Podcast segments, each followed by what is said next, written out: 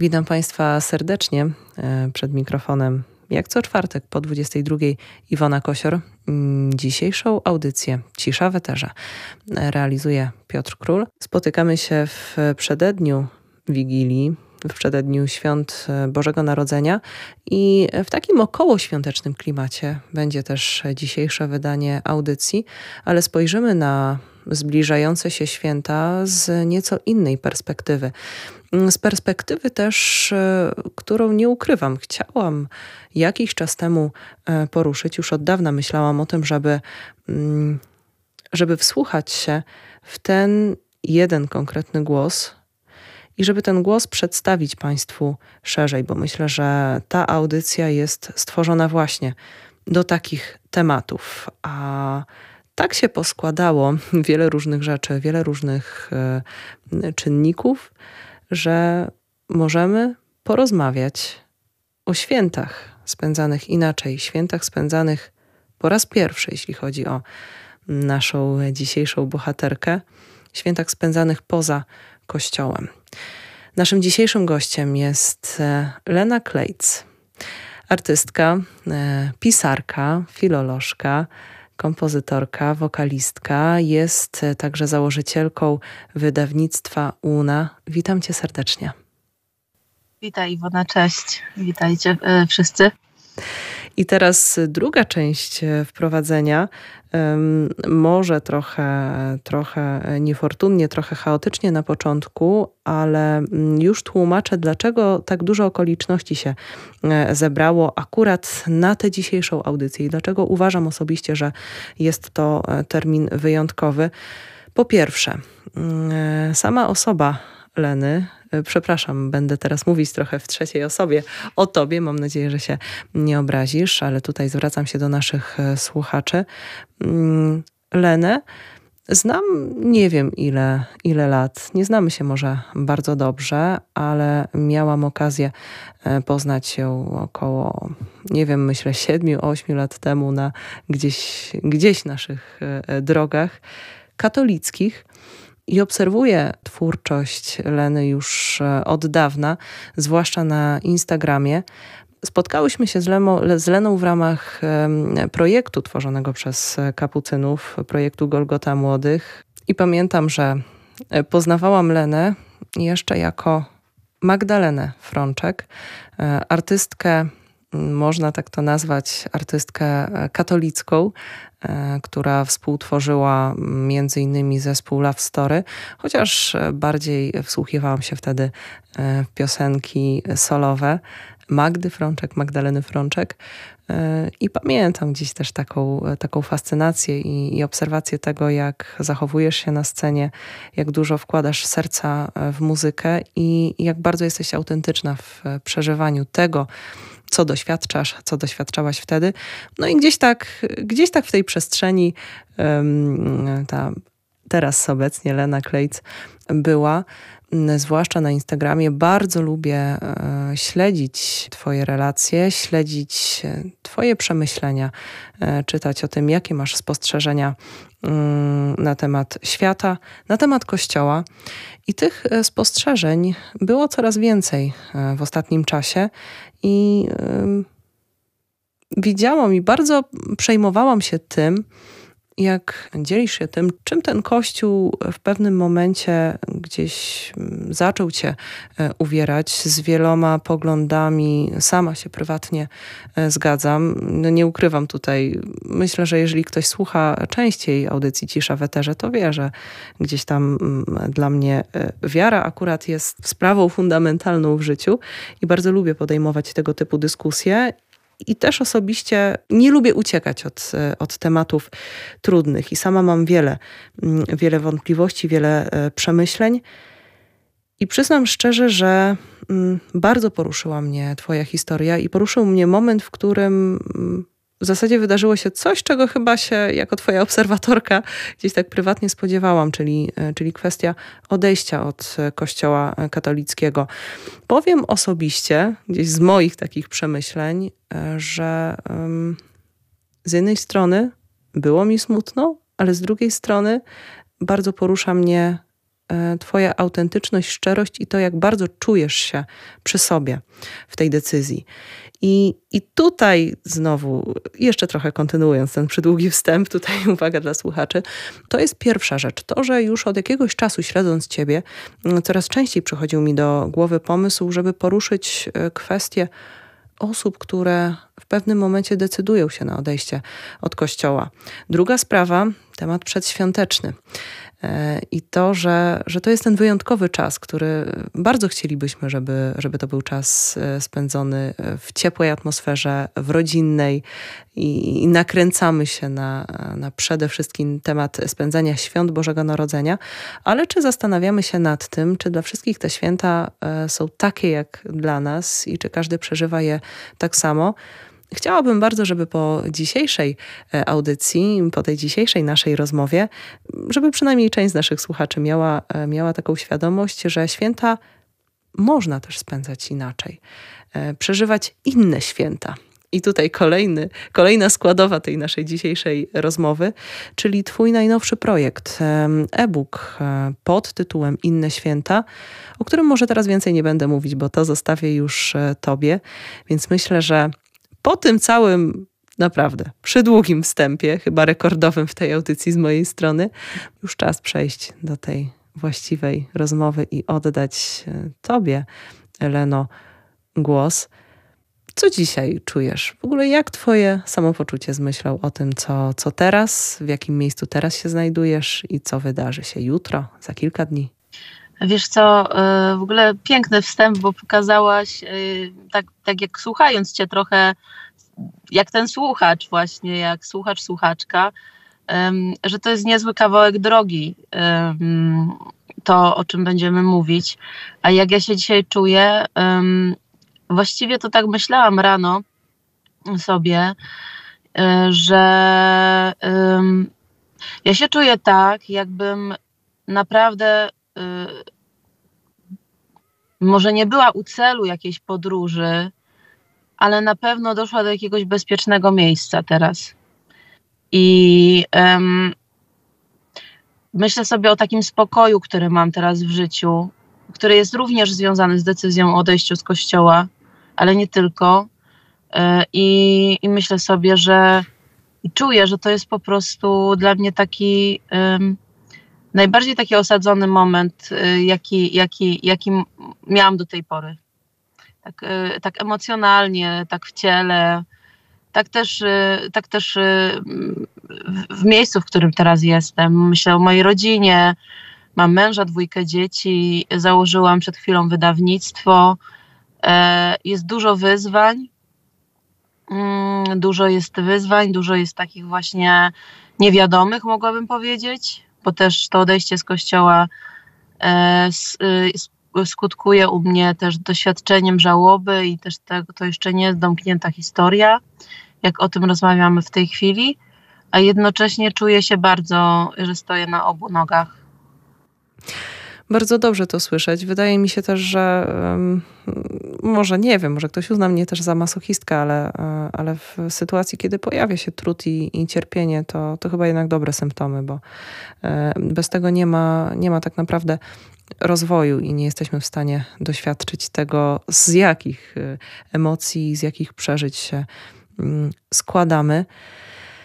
Dobrze, ale może e, nie będę tak bardzo wybiegać w te moje filozoficzne wynurzenia w tej naszej rozmowie. Mm. Powiedzieć, bo w sumie tak sorry, że ci wejdę. Myślę sobie o tym, że każda nowa sytuacja, ona w zależności od osoby, ale generuje jakiś duży potencjał lęku i po prostu mm, takie, e, takie miejsce, w którym ja teraz jestem, to jest takie miejsce, w którym ja się czuję po prostu z sobą bezpiecznie. Może to brzmi bardzo banalnie, ale przez większość życia tak nie było mojego i szukałam tego bezpieczeństwa gdzieś, gdzieś na zewnątrz, a w tej chwili czuję, czuję się w sobie bezpiecznie.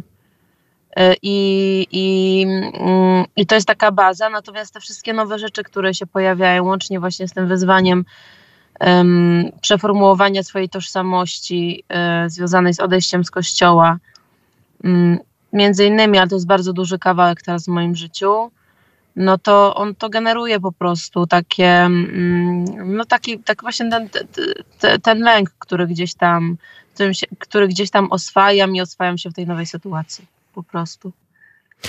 Też, też jedna myśl, którą, którą miałam wcześniej, zastanawiając się nad naszą rozmową i, i, i chciałabym, żeby, żeby też to wybrzmiało, Każda osoba, która traktuje y, swoją duchowość, religię, wiarę, y, wiarę katolicką, ale też niekoniecznie mm, poważnie, w pewnym momencie y, powinna, bądź myślę, że wręcz konfrontuje się z pytaniem, dlaczego ja to robię, dlaczego Kościół katolicki, dlaczego chrześcijaństwo, dlaczego wierzę w Boga, mm, czy, czy szukam zgody ze swoim sercem, mhm. szukam siebie, czy może szukam gotowego przepisu na życie i, i, jakiegoś schematu, w którym, e, w którym po prostu da mi jakieś poczucie bezpieczeństwa. I wydaje mi się, że to jest takie fundamentalne pytanie, które e, każdy powinien sobie zadawać, a nie każdy zadaje. Dlatego też może być e, trudnym dla innych doświadczenie. Myślę, że o tym też porozmawiamy, bo chciałabym Cię zapytać chociażby o to, jak Twoje środowisko zareagowało na, na Twoją decyzję, że jeżeli w naszym otoczeniu ktoś wyłamuje się z tego, e, co znaliśmy od dziecka i do czego się przyzwyczailiśmy, w czym wyrośliśmy, to zaburza też nasze e, poczucie bezpieczeństwa, bo okazuje się, że może to, hmm, w co wierzyliśmy, e, może jest jakąś ułudą, może jest czymś, co, co nie do końca jest prawdziwe i, i daliśmy się okłamać. I wydaje mi się, że osoba, która doskonale wie, dlaczego wierzy, jaka jest jego duchowość, jaki jest stan jego serca, mm, jej serca, mm, nie musi się obawiać tego typu zachwiania. I to jest też jeden z takich, jakby może takich, jedno z takich moich życzeń, żeby, żeby ta rozmowa bardziej e, ostatecznie dla osób, które, które nigdy nie zastanawiały się, bądź czasem, albo czasem zastanawiają się nad tym, dlaczego są w kościele katolickim, żeby nie było elementem mm, jakiegoś e, zasiewania niepokoju i, i burzenia świata, Chyba, że może to jest akurat w konkretnej historii potrzebne, ale jednak bardziej pokoju. Dobrze. Powiedz, jak to się zaczęło? Kiedy po raz pierwszy poczułaś, że już nie jesteś częścią kościoła, że może nie do końca, a może nie tak definitywnie, że już nie jesteś częścią kościoła, ale że gdzieś te drogi zaczęły się rozjeżdżać? Mhm. E, wiesz co, no takim momentem mm, było pojawienie się na świecie e, mojego pierwszego dziecka, czyli syna Józia.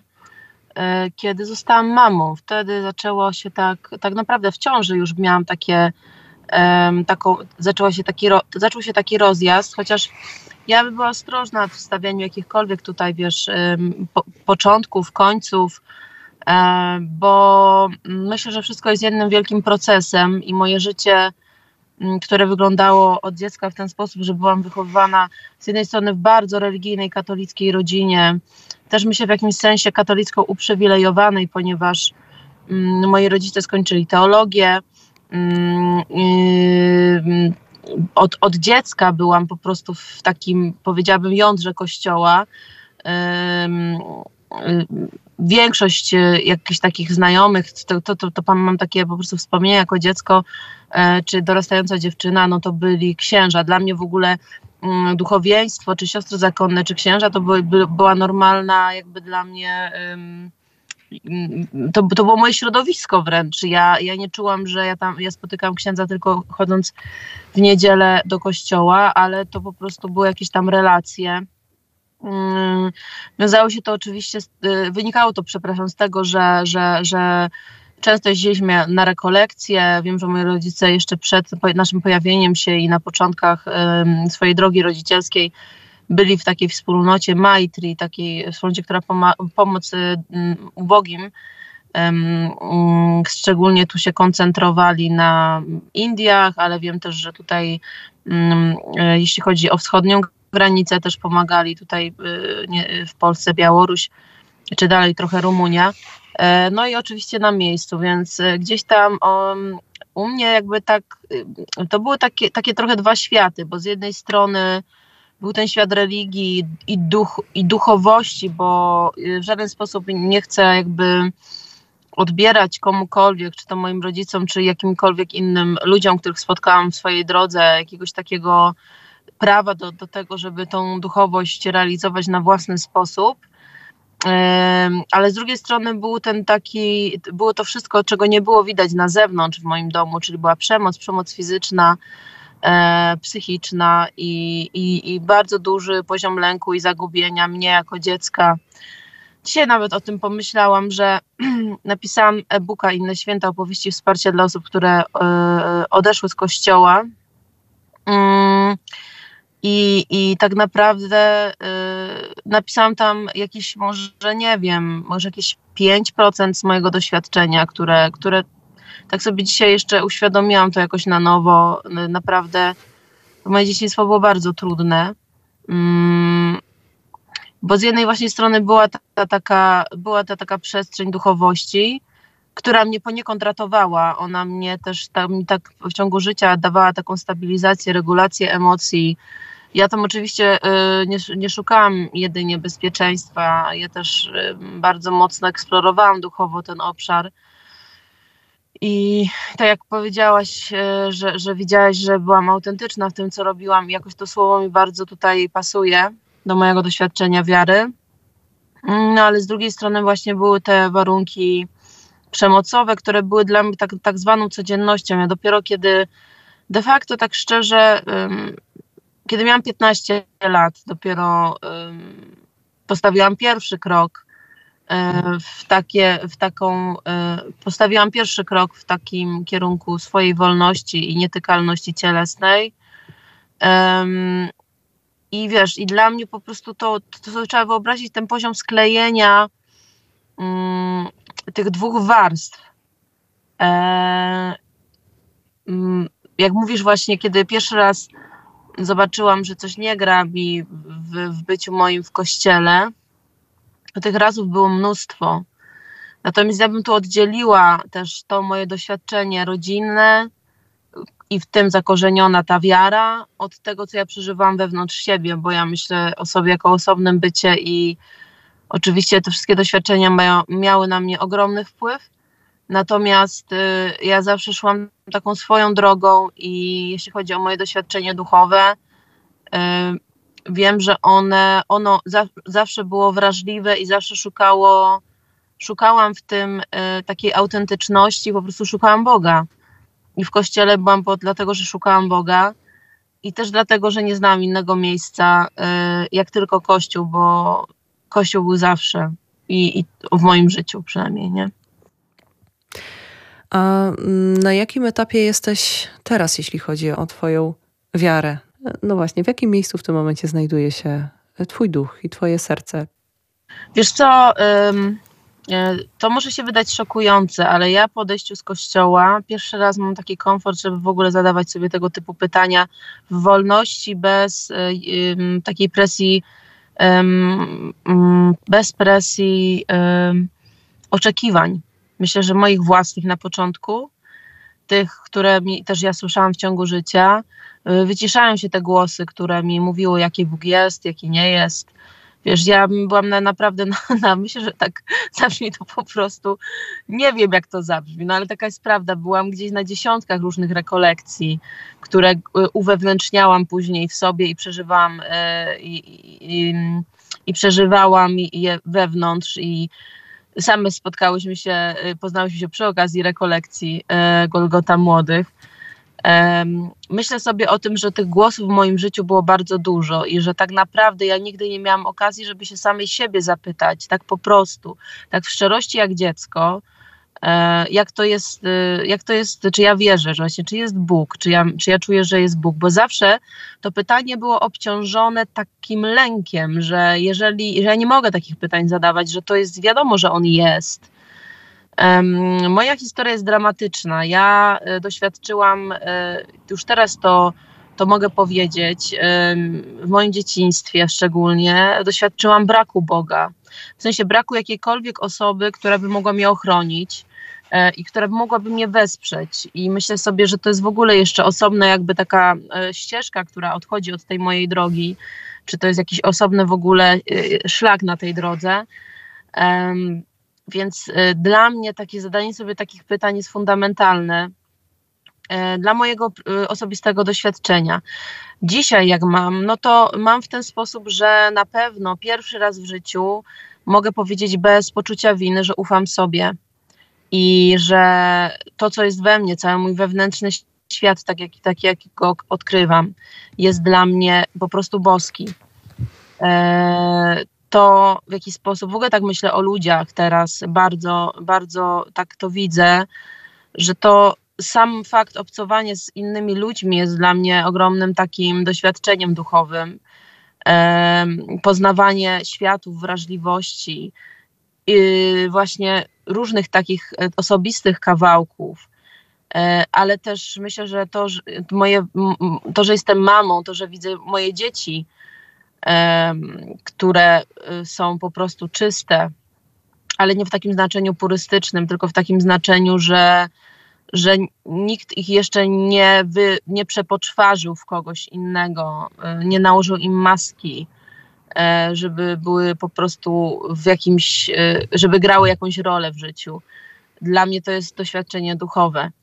E, dzisiaj mam tak i też o tym piszę w tym e-booku, że nie chcę się w żaden sposób określać, czy, mm, czy mm, uzewnętrzniać moją wiarę w jakimś wyznaniu. Bliski jest mi Bóg chrześcijański, natomiast ja czuję, że ja potrzebuję odpocząć, wiesz, od, od religii, od wyznania, od, od praktykowania, od właśnie określania się. Mm, myślę, że to jest bardzo w rozwoju, w procesie dla mnie, ale na ten moment nie powiem ci y, ani państwu, że, że, z całym przekonaniem wierzę w to, że w te święta rodzi się Jezus Chrystus. Po prostu, tak jak napisałam w tym e-booku, też jestem w e-booku Inne Święta, że jestem w procesie żałoby po odejściu z kościoła, ale też po, od, od, po, um, po, po jakimś dezintegracji mojej tożsamości, która była bardzo mocno związana z kościołem, wręcz ona była spleciona. Byłam spleciona z kościołem, um, bardzo, bardzo też związana. Um, I tak jak piszę właśnie w tym e-booku, że jak mam się cieszyć z narodzenia, kiedy wszystko we mnie umiera. To jest o czymś mm, co myślę poczują, zrozumieją wrażliwi ludzie. Myślę, że każdy jest wrażliwy, ale tak to zaznaczam, bo jakby nie chcę mm, mówić tego po to, żeby to był temat do dyskusji, ale bardziej do wysłuchania i do, i do zobaczenia właśnie, że można mieć tak, nie? No właśnie, podzielenie się własnym e, doświadczeniem bez narzucania też e, konkretnego światopoglądu i bez narzucania sposobu e, życia i przekonywania, że ta moja prawda jest tak, najprawdziwsza. Dokładnie, wiesz co, bo ja w ogóle też nie mam takiej intencji teraz w życiu.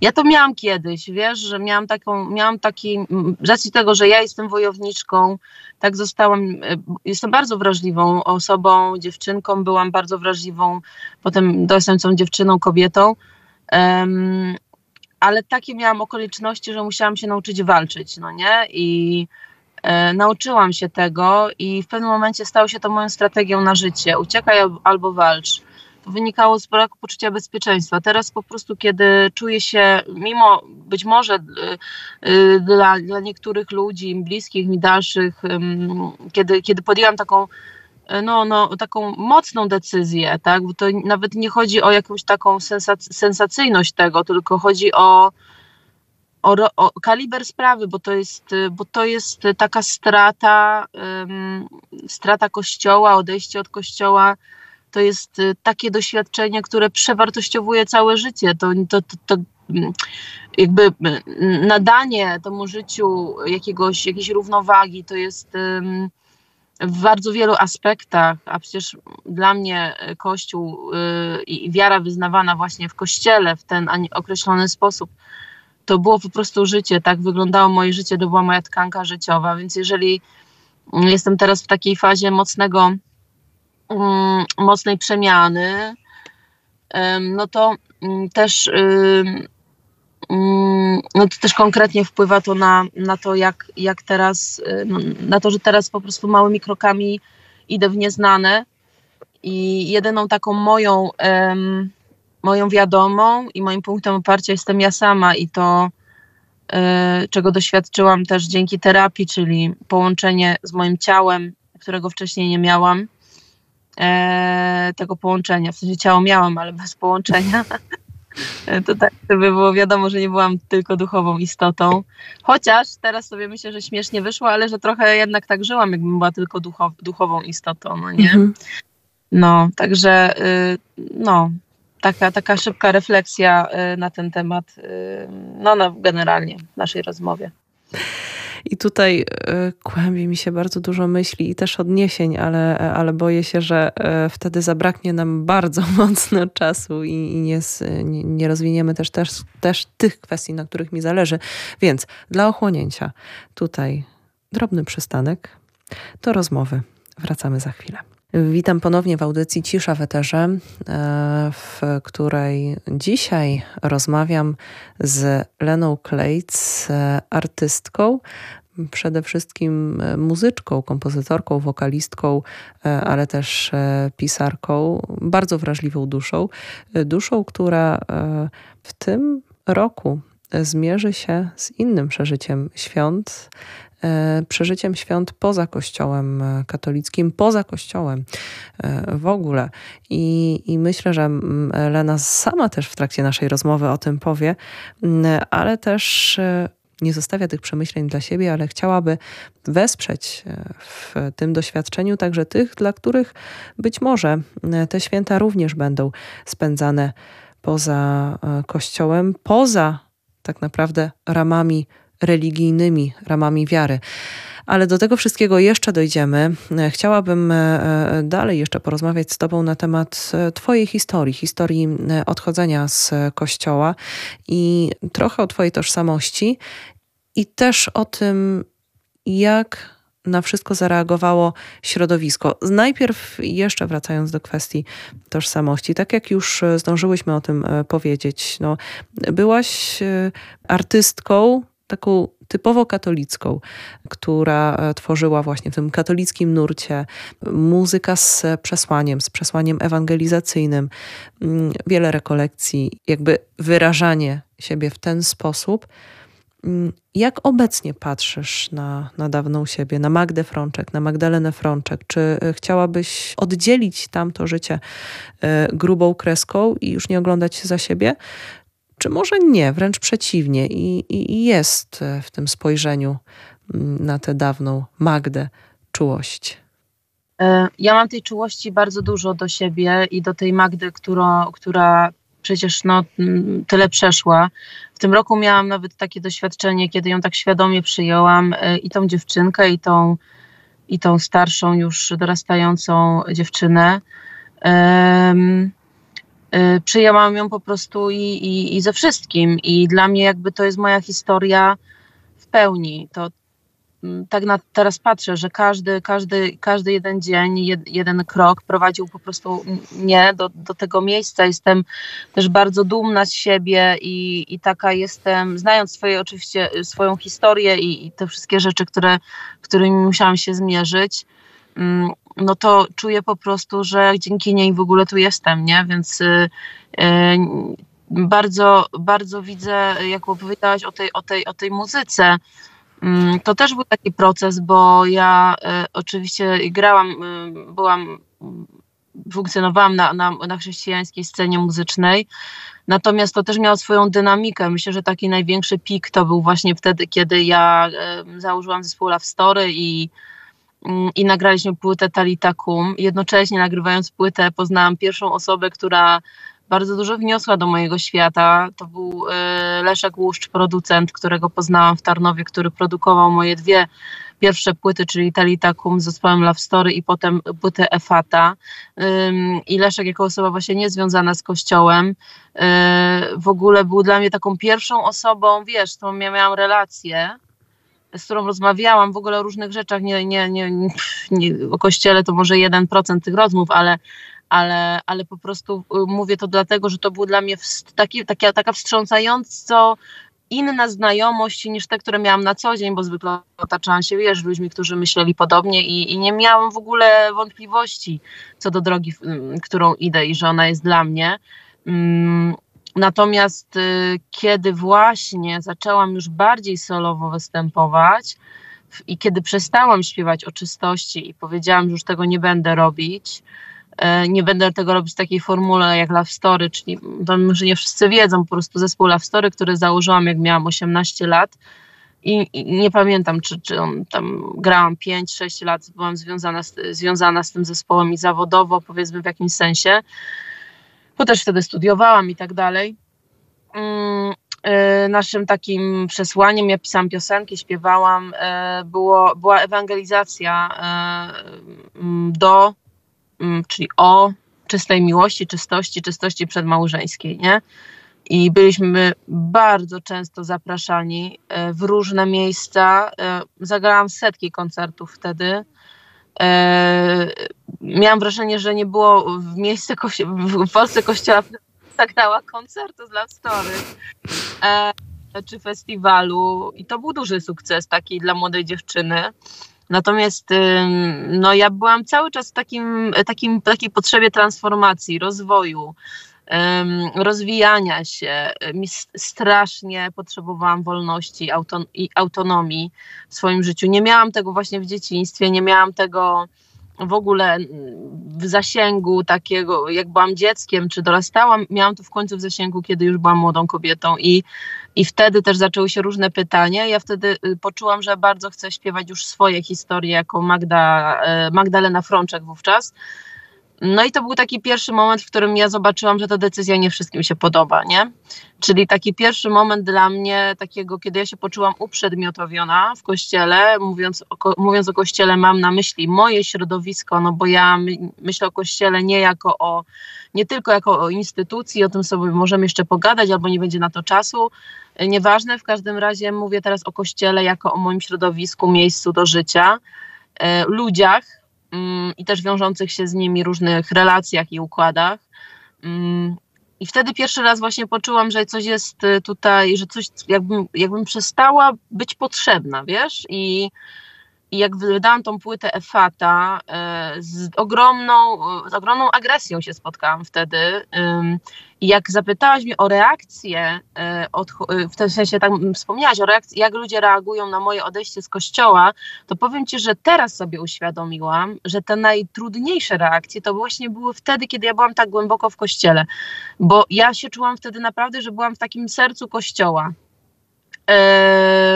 mówiąc sercu Kościoła, mam na myśli zaangażowanie w Kościół, moje wewnętrzne, ale też zewnętrzne, właśnie ten zespół i to wszystko, co robiliśmy. Ja byłam wręcz traktowana jako taka bohaterka, że jestem taka odważna, że ja o tym mówię, że ja o tym po prostu świadczę.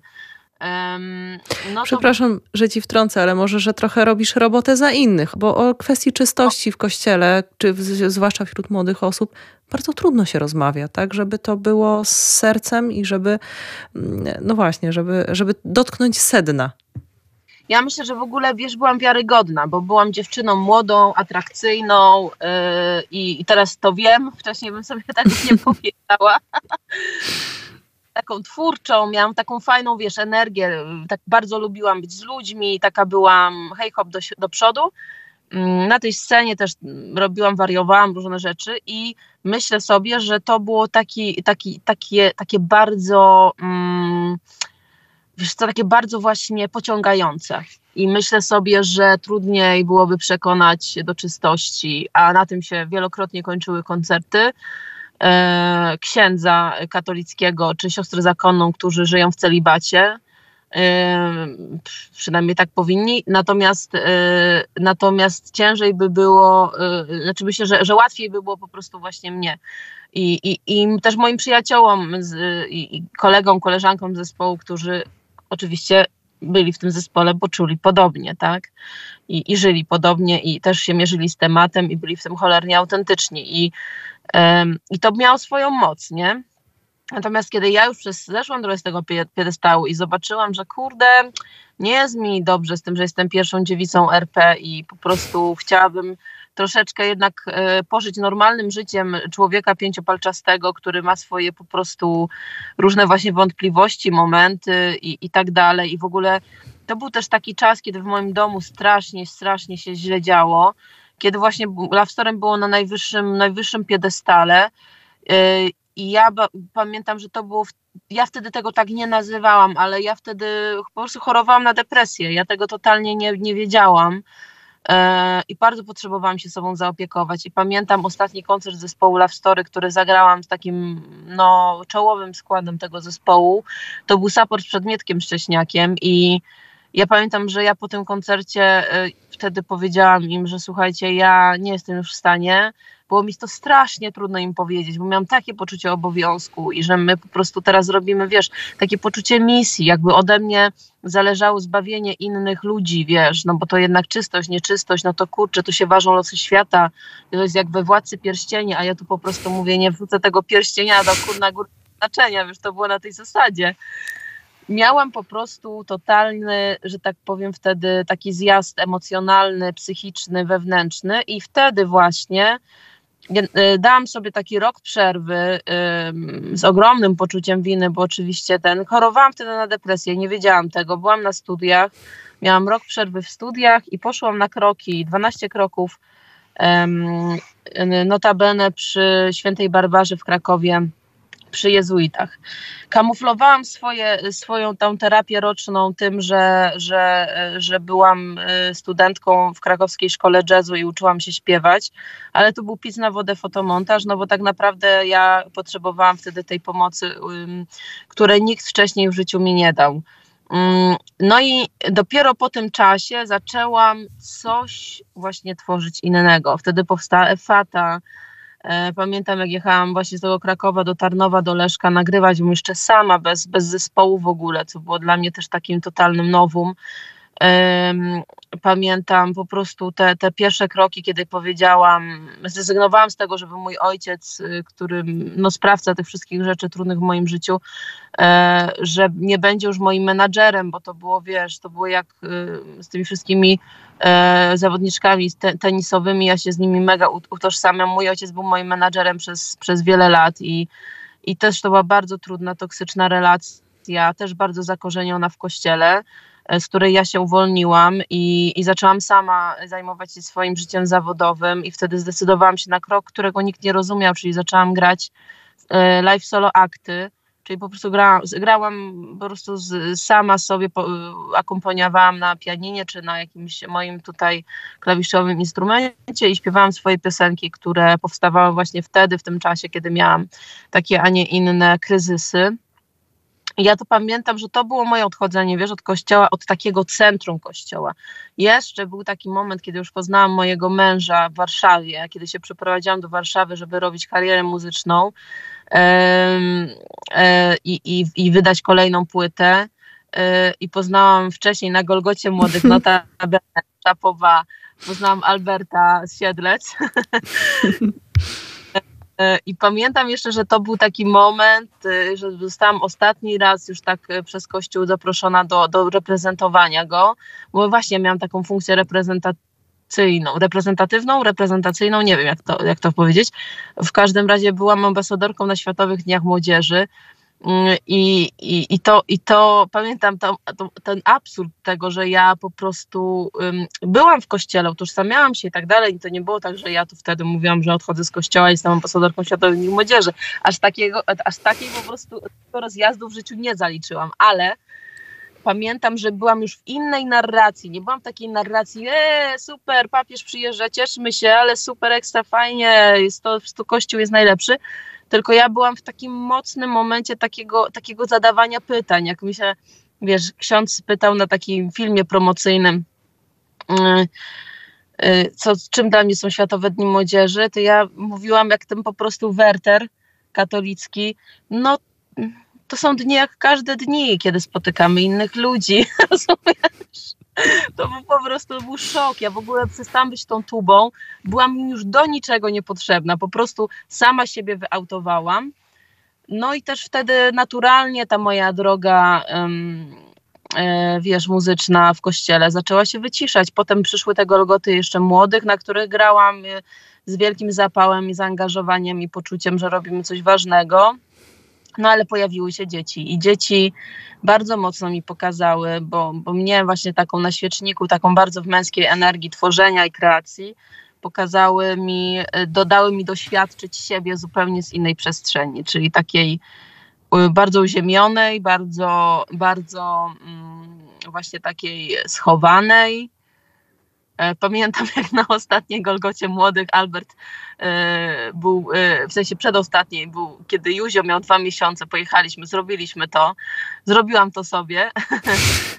pamiętam po prostu, że ja z tym wózkiem popylam, kurna, dziecko nie śpi, coś tam, jakieś dramaty właśnie młodej mamy, która ma już dość i po prostu, po prostu chciałaby spać przez 48 godzin, żeby nikt jej nie budził. Pamiętam, widzę tego mojego męża na scenie, który śpiewa, a teraz wszyscy krzyczymy, Jezus jest naszym Panem. I sobie chłopie, jak ty przyjdziesz do pokoju, jak ja ci powiem, kto jest moim Panem, bo syn, wiesz o co chodzi, nie na zasadzie, że ja go uważałam za Boga, ale dlatego, że ja byłam od niego totalnie zależna i, i po prostu to mi, mówię o tym, bo mi po prostu macierzyństwo bardzo przewartościowało na takim bardzo ludzkim, życiowym poziomie dużo rzeczy, ale też na duchowym.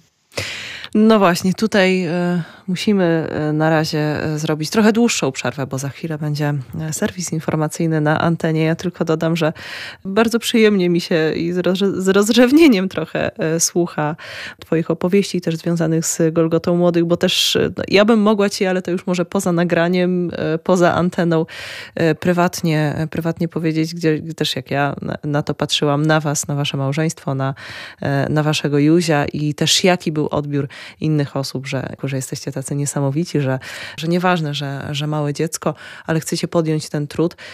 I to też było bardzo, bardzo ciekawe doświadczenie, obserwować Was e, z tej strony, gdzieś e, z tej, z tej sceny muzycznej.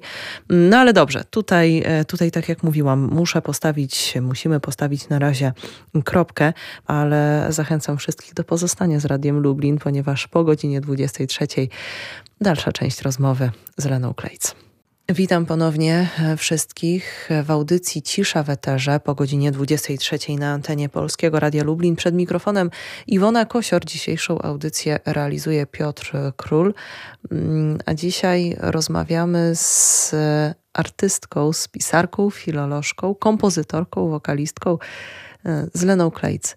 Z Leną, e, która opowiada dzisiaj Państwu o swojej historii bardzo pięknej, ale też i smutnej historii odejścia z kościoła, ale mam nadzieję, że tak jak Lena, przepraszam, że znowu mówię o tobie w trzeciej osobie, ale tak jak Lena czuje się dobrze sama ze sobą i, i, mam nadzieję, że takie wrażenie już Państwo mają po, e, po tej naszej pierwszej godzinie rozmowy. Tak i mam nadzieję, że i Państwo po tej rozmowie poczują się dobrze. Zanim porozmawiamy o tym, jak będą wyglądały Twoje pierwsze święta poza Kościołem, inne święta i w jaki sposób chciałabyś wesprzeć inne osoby w, w podobnym miejscu e, w życiu, to jeszcze chciałabym domknąć kwestię jakby Twojego, tak jak też wspominałaś cały czas, trwającego procesu opuszczania Kościoła. Jak na Twoją decyzję zareagowali Twoi bliscy i te najbliższe osoby? Mm, zarówno w rodzinie, jak i też z otoczenia Kościoła, mm, przyjaciele, e, których, których poznałaś w Kościele katolickim i jak zareagowały osoby, które e, z tego Kościoła katolickiego cię znały, ale nie aż tak blisko, nie aż tak dobrze, które obserwowały cię na przykład jako artystkę. No fajnie zaznaczyłaś w ogóle jakby te, te różne um, przestrzenie bliskości w relacjach, bo rzeczywiście od tego, mm, od tej bliskości zależy ta reakcja, tak mam wrażenie. I ja w ogóle bym chciała jeszcze powiedzieć coś takiego, zanim to opowiem, jak one, one zareagowały, te osoby i jakie jest moje doświadczenie też, też bycia tą osobą, która odchodzi, kiedy inne bliskie osoby zostają w kościele i, i czy to jest w ogóle coś, co, co, co mm, od, odciska piętno na relacji. Ja odchodząc z kościoła zauważyłam i zauważam takie coś, że jakby na to doświadczenie nie ma słów. Nie ma słów zarówno dla tych osób, które odchodzą, ale też dla tych, które, które zostają w kościele. Mam takie poczucie, że nie wykształciliśmy jeszcze społecznie um, takiego, takiej umiejętności rozmawiania o tym doświadczeniu. Jakby to była jakaś taka trauma do nie, nienazwania, trauma y, przeżywana, przy, przeżywana w takiej skrytości, takim po prostu um, właśnie jakimś takim, jak, jakimś takim, jakimś takim mgle niedopowiedzeń. Um, i, i widzę, że dopiero teraz jakby y, poprzez na przykład naszą rozmowę tutaj, za którą jestem Ci bardzo wdzięczna Iwona, jakby robi, robimy w ogóle jakąś przestrzeń, że w ogóle można o tym rozmawiać, że to jest temat do rozmowy, że to nie jest temat potworny, przed którym trzeba uciekać, którego się trzeba bać e, i, i po prostu przez to, przez to mieć y, po prostu, no nie wiem właśnie, przez to na przykład y, urywać relacje, na przykład, nie? Mówię tu o osobach, które zostają w kościele. Myślę, że cały czas o tym, myślę cały czas o tym w takiej perspektywie, w takiej perspektywie że że jest duży poziom lęku e, w temacie odchodzenia z kościoła, zarówno osób, które są osobami świeckimi, jak i duchownych. Myślę, że to jest bardzo, bardzo duży taki ciężar postawiony, nie, zupełnie nie, nie zdefiniowany, co jest tym ciężarem. I, I po prostu te rozmowy mogą wydać się nawet takie bardzo krępujące, trudne, jakieś takie właśnie ciężkie. Natomiast jeśli chodzi o, o moją sytuację, ja doświadczyłam różnych reakcji. I ja zrobiłam ten wstęp, dlatego że ja myślę, że to jest przyczyną tych różnych reakcji. To znaczy, że zawsze, zawsze jest lęk. Najpierw. Zarówno z mojej strony, tej, która odchodzi i mówi, odchodzę, jak i po tej stronie tego, kto, kto słyszy taką, taką rzecz i jest w kościele, nie? Eee, I myślę sobie, że to jest proces w ogóle. Każda relacja jest w procesie że jeśli chodzi o te bliskie relacje, bo, bo um, ona zawsze coś wzbudza, właśnie dlatego, że nie jesteśmy dla siebie obojętni, nie? I jakoś tak na to chcę patrzeć. Um, jeśli chodzi o moich przyjaciół, spotkałam się z u, niektórych z nich, bo niektórzy jakby ze mną nie, nie, nie, nie rozmawiali o tym, widząc, co piszę. Ja też z nimi nie rozmawiałam. E, natomiast e, pojawili się tacy ludzie, czy pojawili, byli, są w moim życiu tacy ludzie, przyjaciele, z którymi mogłam o tym porozmawiać. Wyszło to w jakiś taki naturalny sposób.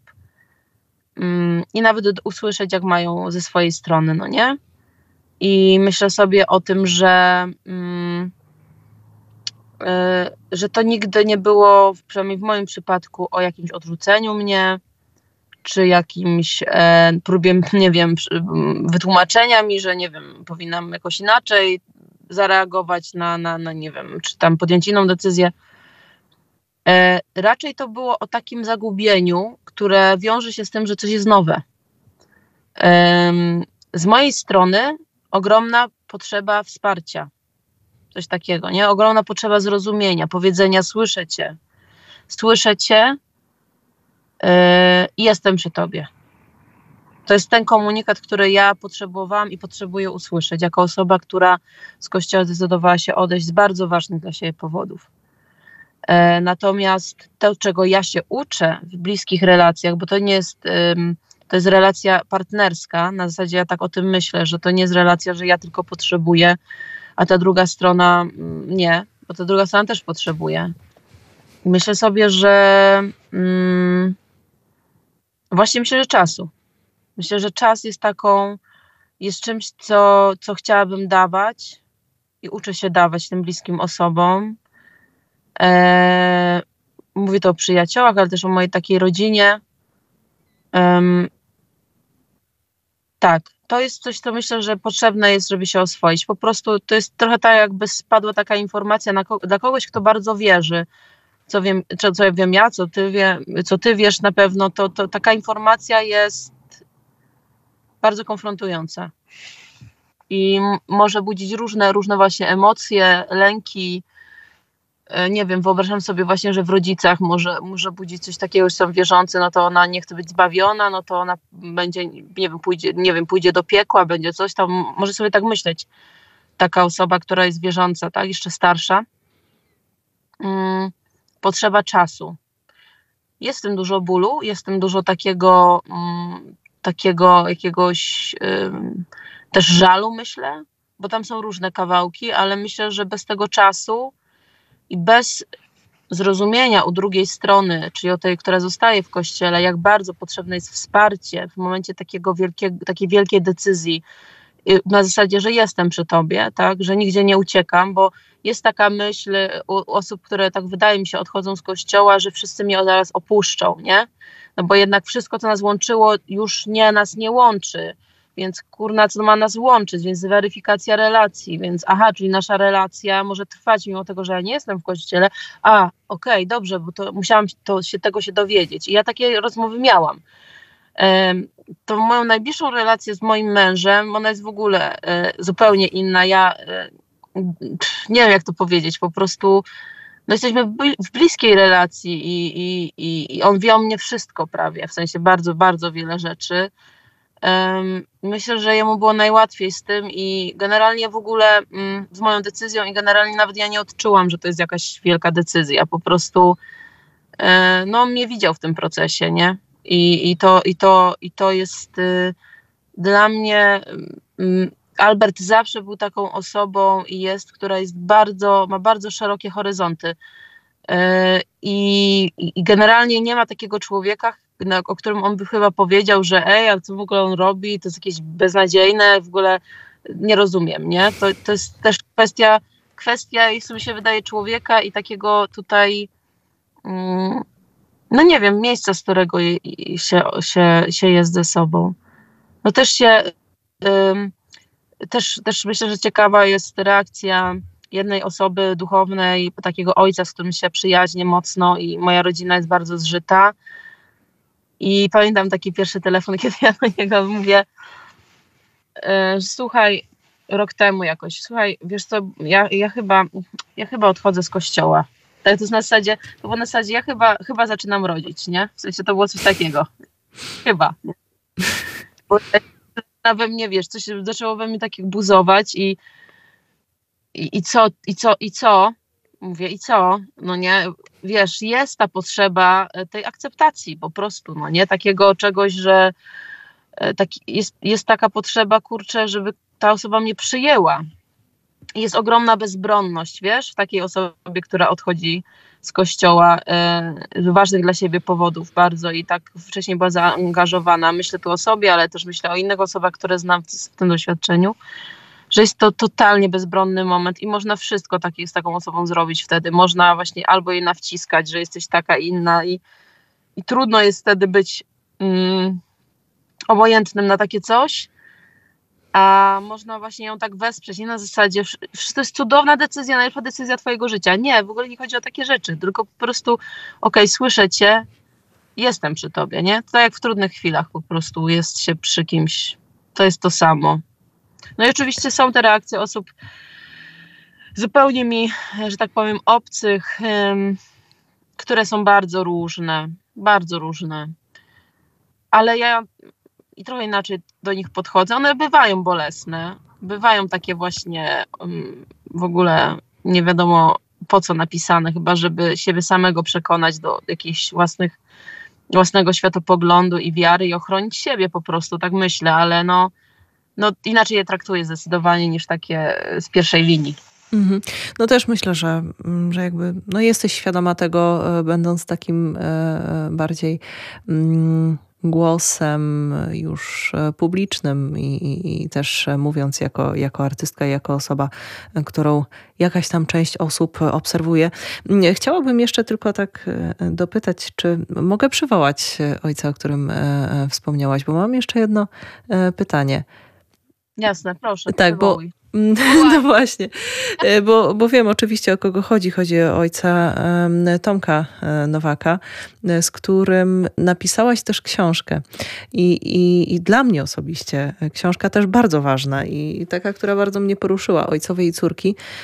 I w ogóle dla mnie rewolucyjne podejście do tego, że z, w ogóle z, z tekstów, z Pisma Świętego, z historii relacji między ojcami i córkami, między kobietami a mężczyznami. Można tak wiele wyciągnąć pod kątem takim e, psychologicznym też, więc e, no właśnie. I teraz pytanie, czy mogę polecić na przykład słuchaczom tę książkę? Czy to jest e, coś, z czego jesteś w dalszym ciągu dumna?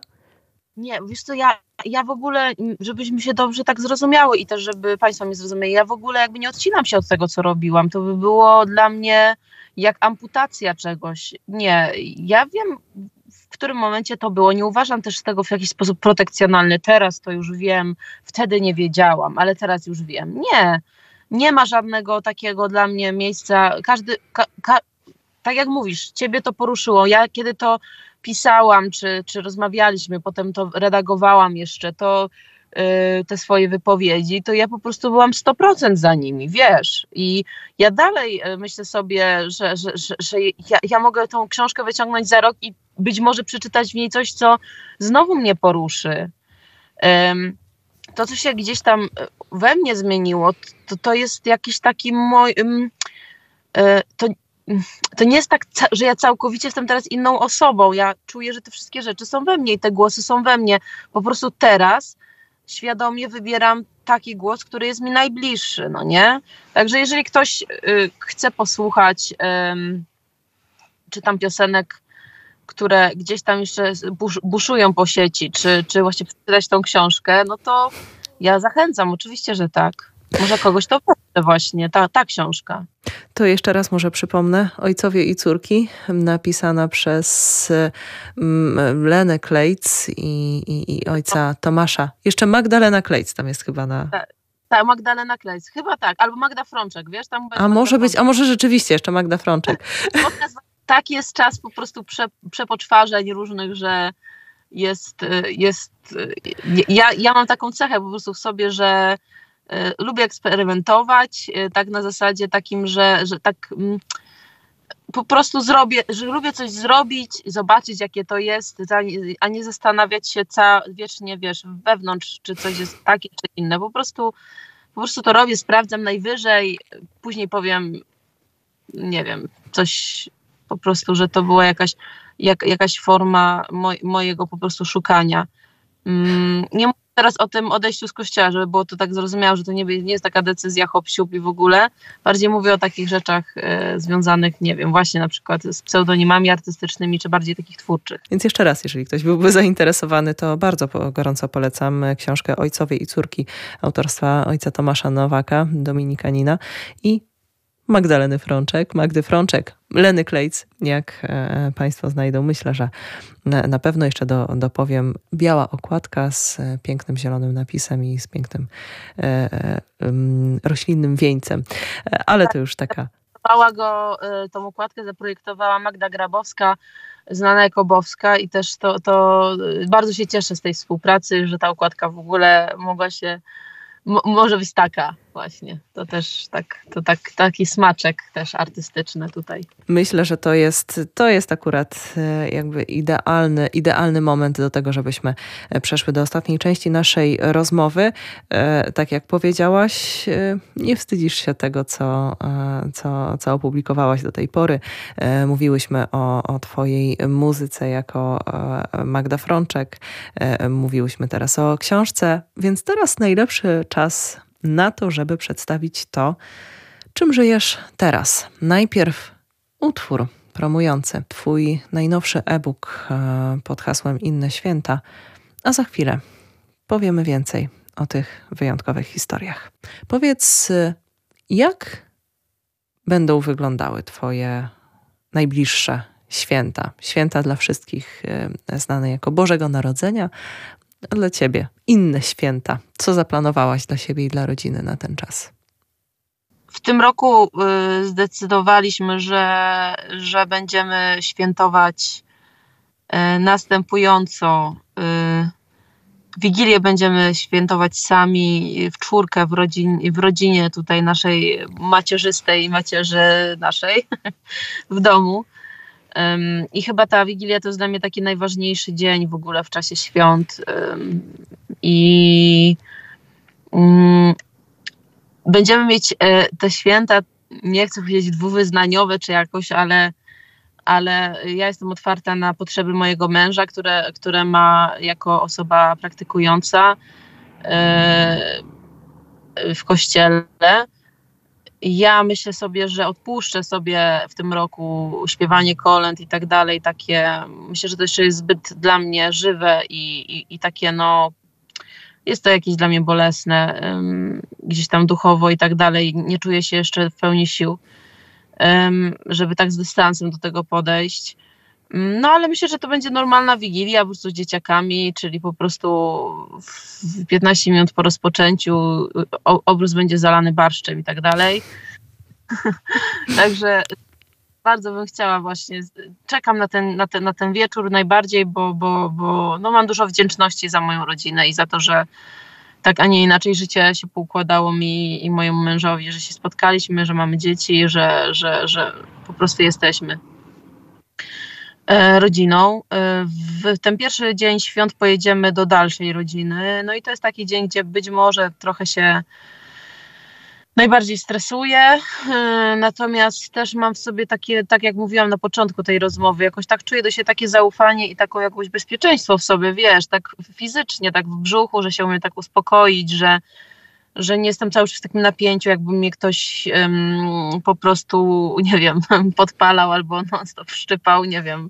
Taki czuję, że, że, że, że możemy się spotkać po prostu w tych miejscach, w których jesteśmy, no, których, których to spotkanie jest możliwe, nie? Nawet jeżeli właśnie ma być to rozmowa o, o, nie wiem, o tym, kto coś zrobił na wigilijny stół i tak dalej, no to dla mnie to nie jest gorsza rozmowa w żaden sposób. Po prostu nawet się cieszę na, takie, na taką po prostu zwykłą, świąteczną atmosferę mm, z rodziną w tle. E, no a drugi dzień świąt z przyjaciółmi, czyli z takim spędzamy, czyli z takimi osobami, którzy, którzy, które znają nas najbardziej. To jest taka rodzina z wyboru. No i też się cieszę, jakoś tak czuję, że, że, że te różne obszary w moim życiu są dostrzeżone w te święta. Ale sam, sama, y, tak jak wiesz, no to pewnie podejrzewasz, y, y, no spędzę je w domu, wyobrażam to sobie tak, że pewnie mój mąż pójdzie na mszę, czy tam w Wigilię, czy w Boże Narodzenie, czy, czy, czy y, kiedy tam będzie chciał.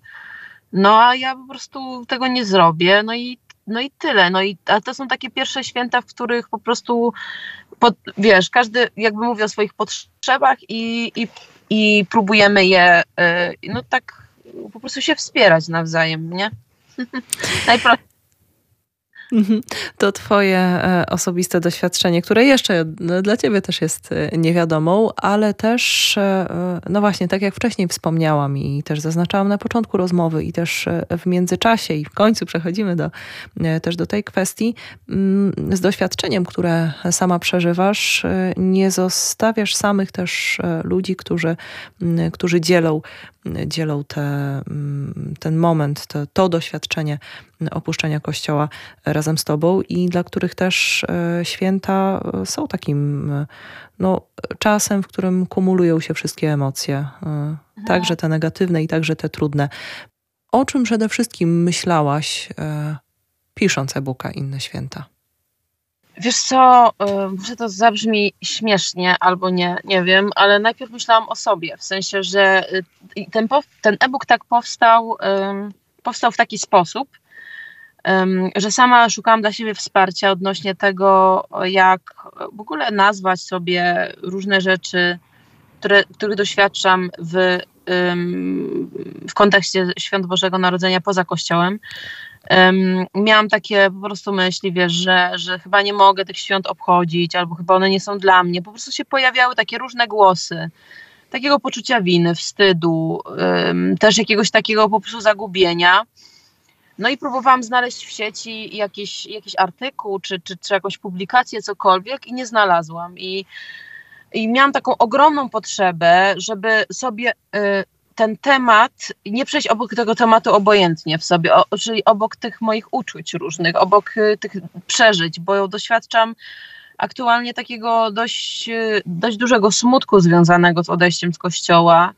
Mm, już są jakieś przebłyski akceptacji też, ale, ale czuję, że, że jest dużo smutku, jest dużo takiego miejsca, w którym ja po prostu potrzebuję takiego otulenia. I, i tak zaczęłam pisać te opowiadania, które są w pierwszej części e-booka, bo sam e-book składa się z trzech części, czyli pierwsza to, są, to jest pięć moich opowiadań, mm, takich autobiograficzno-przemyśleniowych. Druga część to jest rozmowa z psychoterapeutką Basią e, Rorborn E, właśnie o tym, jak siebie wspierać w czasie świąt, kiedy przeżywam te święta poza kościołem i to są moje pierwsze, drugie, ale jeszcze takie żywe święta, gdzie ja jeszcze czuję wrażliwie i rezonuję, jak ktoś mi powie, po prostu nie wiem, czy dokonasz apostazji, to mnie to boli, bo nie chcę o tym po prostu, bo, bo, bo, bo to nie jest taka dla mnie, bo to są takie, to jest tak jakby zapytać kogoś, kto e, no nie wiem, no nie, nie jest w związku, a bardzo chce, czy masz już chłopaka, no nie? To jest, to, jest, to jest dokładnie ten sam kaliber po prostu e, bycia, bycia trolem empatycznym, no nie? E, I, a trzecia część, e, no to są właśnie też takie moje napisane w oparciu o taką metodę, którą sobie opracowuję sama dla siebie i też myślę dla innych w przyszłości, metodę pisania własnym głosem, kilka takich ćwiczeń, właśnie takich terapeutycznych, takich do regulowania emocji, nazywania sobie różnych rzeczy, takich prostych, wręcz powiedziałabym nawet i przyjemnych, które po prostu mogą w jakiś sposób wesprzeć w taki realny sposób, taki bardziej kreatywny, twórczy, kogoś, kto jest w takim doświadczeniu jak ja, czyli po prostu przeżywa swoje święta pierwsze albo właśnie któreś jeszcze takie wrażliwe święta E, bez kościoła, poza kościołem. No, więc tak to się zaczęło, to była moja intencja, żeby najpierw pomóc sobie, ale potem pomyślałam, kurczę, że, że przecież może właśnie no są osoby, ja znam takie osoby, które by pewnie, których by to wsparło, no nie? I zdecydowałam się po prostu opublikować to w formie e-booka, zrobić taką właśnie całą książkę prawie stółstronicową, E, w której po prostu można, można myślę znaleźć bardzo dużo wsparcia i i tak, żeby to też było dobrze zrozumiane, to nie jest e, taki, taka, taka książka, taki e-book, który próbuje e, wywołać jakąś dyskusję, wsadzić jakiś kij w mrowisko, to w ogóle nie jest ta energia. Ja napisałam to dlatego, żeby właśnie wspierać, nie? Żeby wspierać przede wszystkim psychicznie, też w takim świadomym przeżywaniu siebie, E, żeby siebie nie omijać, nie pomijać w te święta, nie? Żeby po prostu, a nawet jeżeli chcę siebie pominąć, w sensie takim nie chcę o tym gadać, jest to dla mnie za ciężkie, to też, żeby zrobić to świadomie. Gdzie w takim razie można szukać Twojego e-booka? E, tak, zapraszam na, przede wszystkim na stronę internetową www.wydawnictwoluna.com bez polskich znaków, czyli wydawnictwo Luna, trzeba napisać. I tam jest wszystko, tam jest wszystko. Tam można poczytać w ogóle o tym, co, co ja robię teraz, yy, ale też jest zakładka Inne Święta, w którym można w taki kompletny sposób nawet posłuchać fragmentów tego e-booka yy, i, i, zobaczyć, co jest w środku. Jest, pierwszy rozdział jest w ogóle do ściągnięcia za darmo. Można po prostu sobie przeczytać, sprawdzić, czy ja tego chcę, czy nie chcę, czy to jest dla mnie, czy mnie to wspiera. E, ale też zapraszam na Instagrama lena.klejc i tam też y, dużo się dzieje w związku z e-bookiem i, i z tym, co robię. Także zapraszam serdecznie, jeżeli ktoś potrzebuje usłyszeć takie, tak, takie wspierające treści, to jak najbardziej. A masz już pierwszy odbiór e-booka? Tak, tak, mam i, i y, no to, są, to są takie przepiękne wiadomości, bo ja mam duże poczucie sensu, wiesz. Mm, bo okazuje się, że, że rzeczywiście to moje, to moje pytanie, tak, takie założenie, tak, że, że to może komuś pomoże oprócz mnie samej, bo mi bardzo ten e-book pomógł osobiście. Mam na myśli też tą rozmowę z Basią Rorborn, tą psycho, psychoterapeutką. Tak, to, to jest bardzo taka bardzo wspierająca rozmowa. Myślę, że w ogóle nie tylko dla osób, y, które odeszły od kościoła, ale w ogóle którym trudno jest święta bo tam jest dużo też o takim kontakcie z ciałem, jak siebie po prostu wyregulować, jak y, właśnie, a co kiedy jestem bardzo zestresowana, kiedy nie potrafię już znieść tej atmosfery y, przy świątecznym stole, a co kiedy jestem tak, mam tak, że mnie odcina, że ja po prostu jestem przy tym świątecznym stole i nie potrafię słyszeć rzeczy, które ktoś do mnie mówi, wiesz, że ciało różnie reaguje w bardzo stresującej sytuacji. Jest w ogóle takiej samoopiece, nie? Więc y, bardzo dużo dostaję takiego właśnie, mm, takiej informacji zwrotnych, mm, że w ogóle to mi, że to mi pomaga, że to mi pomogło, że pozwoliła, że ty nazywasz coś, co miałam w sobie, a nie umiałam tego w, tak nazwać, albo w ogóle nie, nie myślałam, że można to tak nazwać, nie? I ja czuję, że to daje, że to, zape, za, że to spełnia taką potrzebę porząd, uporządkowania pewnych rzeczy u ludzi, też zrozumienia, przynależności, bo to jest też bardzo ważne, o czym jeszcze nie mówiłyśmy. Też chciałam to na, jeszcze to wrzucić do naszej rozmowy, że, że e, właśnie osoby, które odchodzą z kościoła, tracą to stado, no nie? I, jest bardzo, jest głód przynależności, jest pustka, czuje się po prostu jakąś taką, taki rodzaj E, wytrącenia z życia, nie wiem. E, I, i, i myślę, że ten e-book też spełnia taką rolę y, wspólnoty, że nagle jest ta wspólnota, która, która ma podobnie, tak? Że, że, że skoro on powstał, to znaczy, że są ludzie tacy jak ja, nie? Którzy, którzy też tak mają. No, także tak to widzę, takie odpowiedzi. To na sam koniec naszej rozmowy, już jako takie podsumowanie w kilku słowach, e, co chciałabyś powiedzieć naszym słuchaczom w przeddzień e, świąt Bożego Narodzenia?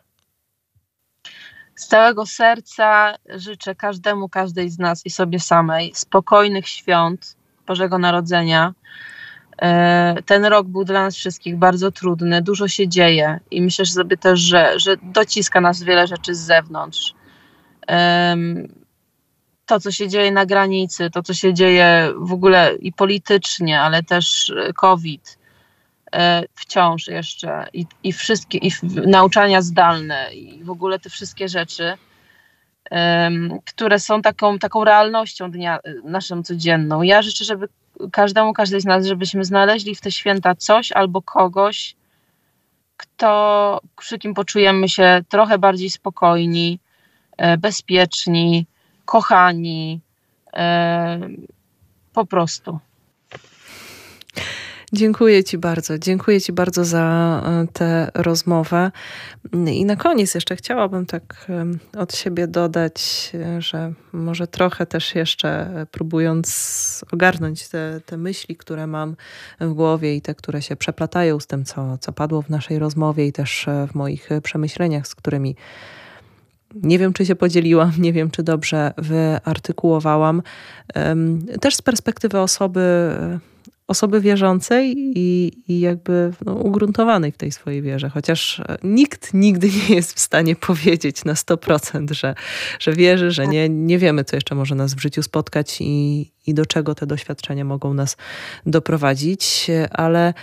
Mm, może powinnam, powinnam próbować Cię przekonać, pozostań na łonie Kościoła, e, bo martwię się o Ciebie, bo nie zostaniesz zbawiona, ale mm, powiem tak, e, ja się o Ciebie nie martwię, nie martwię się w żadnym wypadku i mam takie może, no takie przekonanie też gdzieś, gdzieś doświadczenie mm, po drodze w tym swoim życiu, że mm, Najważniejsze jest e, chyba szukanie prawdy, a już Bóg sam się o to postara, w jakiej postaci tej prawdy się nam objawi i, i człowiek, który jest wierny temu, żeby, żeby dążyć do tego, e, co jest prawdziwe, a co nie, i żeby szukać połączenia ze swoim sercem, to tak naprawdę nie musi się o siebie martwić i my nie musimy się o siebie martwić. Cytując też za e, księdzem e, Tomasem Halikiem, właściwie nie cytując, tylko parafrazując, tak naprawdę nieźle się chyba zdziwimy, będąc już w niebie i widząc, kto w tym niebie jest, a wydawało nam się, że tam nigdy nie trafi.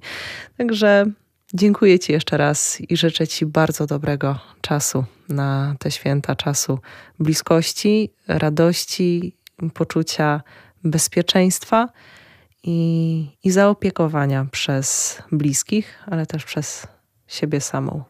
Dziękuję jeszcze raz. Naszym dzisiejszym gościem e, była Elena Klejc, artystka, wokalistka, kompozytorka, także pisarka, filolożka, założycielka wydawnictwa Łuna. Cieszę się, że tworzysz dalej, piszesz, dzielisz się tym i czekam osobiście też na płytę. O, super. Dziękuję Iwona za zaproszenie i za super rozmowę. Dzięki za wysłuchanie też. I ja dziękuję naszym słuchaczom za uwagę. Mm. No cóż, pozostaje mi tylko życzyć dobrych, ciepłych świąt pełnych miłości i do usłyszenia za tydzień. Iwona Kosior przed mikrofonem. Dobrej nocy.